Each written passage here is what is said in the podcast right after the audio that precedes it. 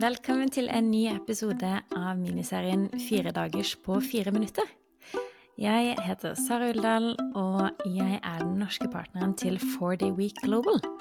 Og i 2024 så skal jeg kjøre Norges første pilotprosjekt på firedagersuke. Og i dag så skal vi snakke om et spørsmål som jeg vet mange henger seg litt opp i. Nemlig må vi fjerne en hel dag i overgangen til en kortere arbeidsuke? Fordi vi kaller det jo firedagersuken. Det er jo blitt et eh, buzzord som man ser overalt om dagen. Men eh, det rommer egentlig mer enn eh, navnet gir det cred for. Fordi det handler jo også om en sekstimersdag eller to halve dager. Kanskje man blir enig om en halv dag og noen timer som man kan ta som man vil i løpet av uka. Man kan også snakke om en nine day fortnight, som vi sier på at man jobber fem dager pluss fire dager neste uke. Så mulighetene er mange, og grunnen til at man bruker fire dagers uke ofte, det er jo fordi at det gir en assosiasjon ganske kjapt til folk hva det er snakk om. Det blir veldig lange LinkedIn-poster på meg hvis jeg alltid skal ta alle forbehold eh, om hvordan man kan løse dette. Kjernen i ideen er egentlig at det skal være en meningsfull reduksjon i arbeidstiden. Og med four day week så er det da ca. en 20% reduksjon. Så det er ikke noe sånn one size fits all-løsning her. Det handler om å finne en modell som passer for den enkelte bedrift og dens ansatte.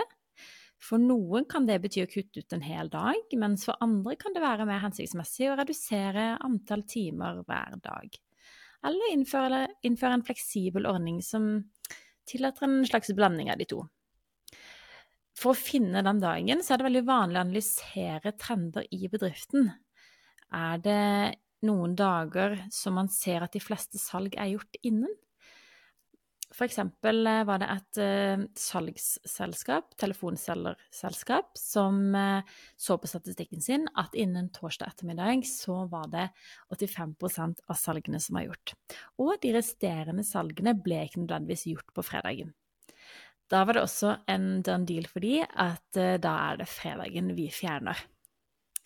En annen løsning kan jo være hvis man har mye småbarnsforeldre eller mennesker som trenger mye fleksibilitet, eller ønsker det. Så kan det være kanskje en bedre løsning å fjerne to timer per dag, så man har en sekstimersdag. Og man slipper da denne evige jaget etter å måtte jobbe inn igjen, da, som vi så fint kaller det, eh, hvis du må komme klokka ni og gå klokka tre. Da kan du både få den fleksibiliteten, og du slipper da å jobbe det inn på kvelden. Så la oss ikke glemme at overgangen til en kortere arbeidsuke, det er en, eh, ja, skal vi kalle det en klisjé, men en reise. Det kan kreve en periode med justering og tilpasning for å nå målet om 20% reduksjon i arbeidstiden. Men eh, det er liksom opp til bedriftene å eksperimentere og finne den beste løsningen. Hva trenger vi?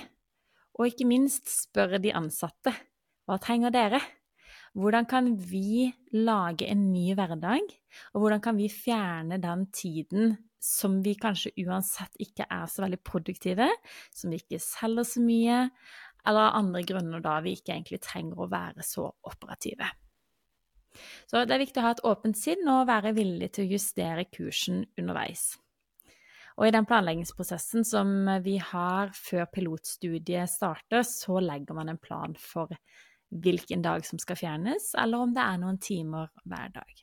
Ofte lander folk på en fredag, men det er ikke en selvfølge. Så for de av dere som er nysgjerrig på å lære mer, eller ønsker å være deltaker i pilotstudiet til eh, Four Day Week, som jeg skal eh, lede til høsten, ikke nøl med å ta kontakt med meg på LinkedIn. Jeg åpner snart påmelding, og eh, ser veldig fram til å få med meg bedriftene som vil være med på en reise til en kortere arbeidsuke. Så takk for at du lyttet.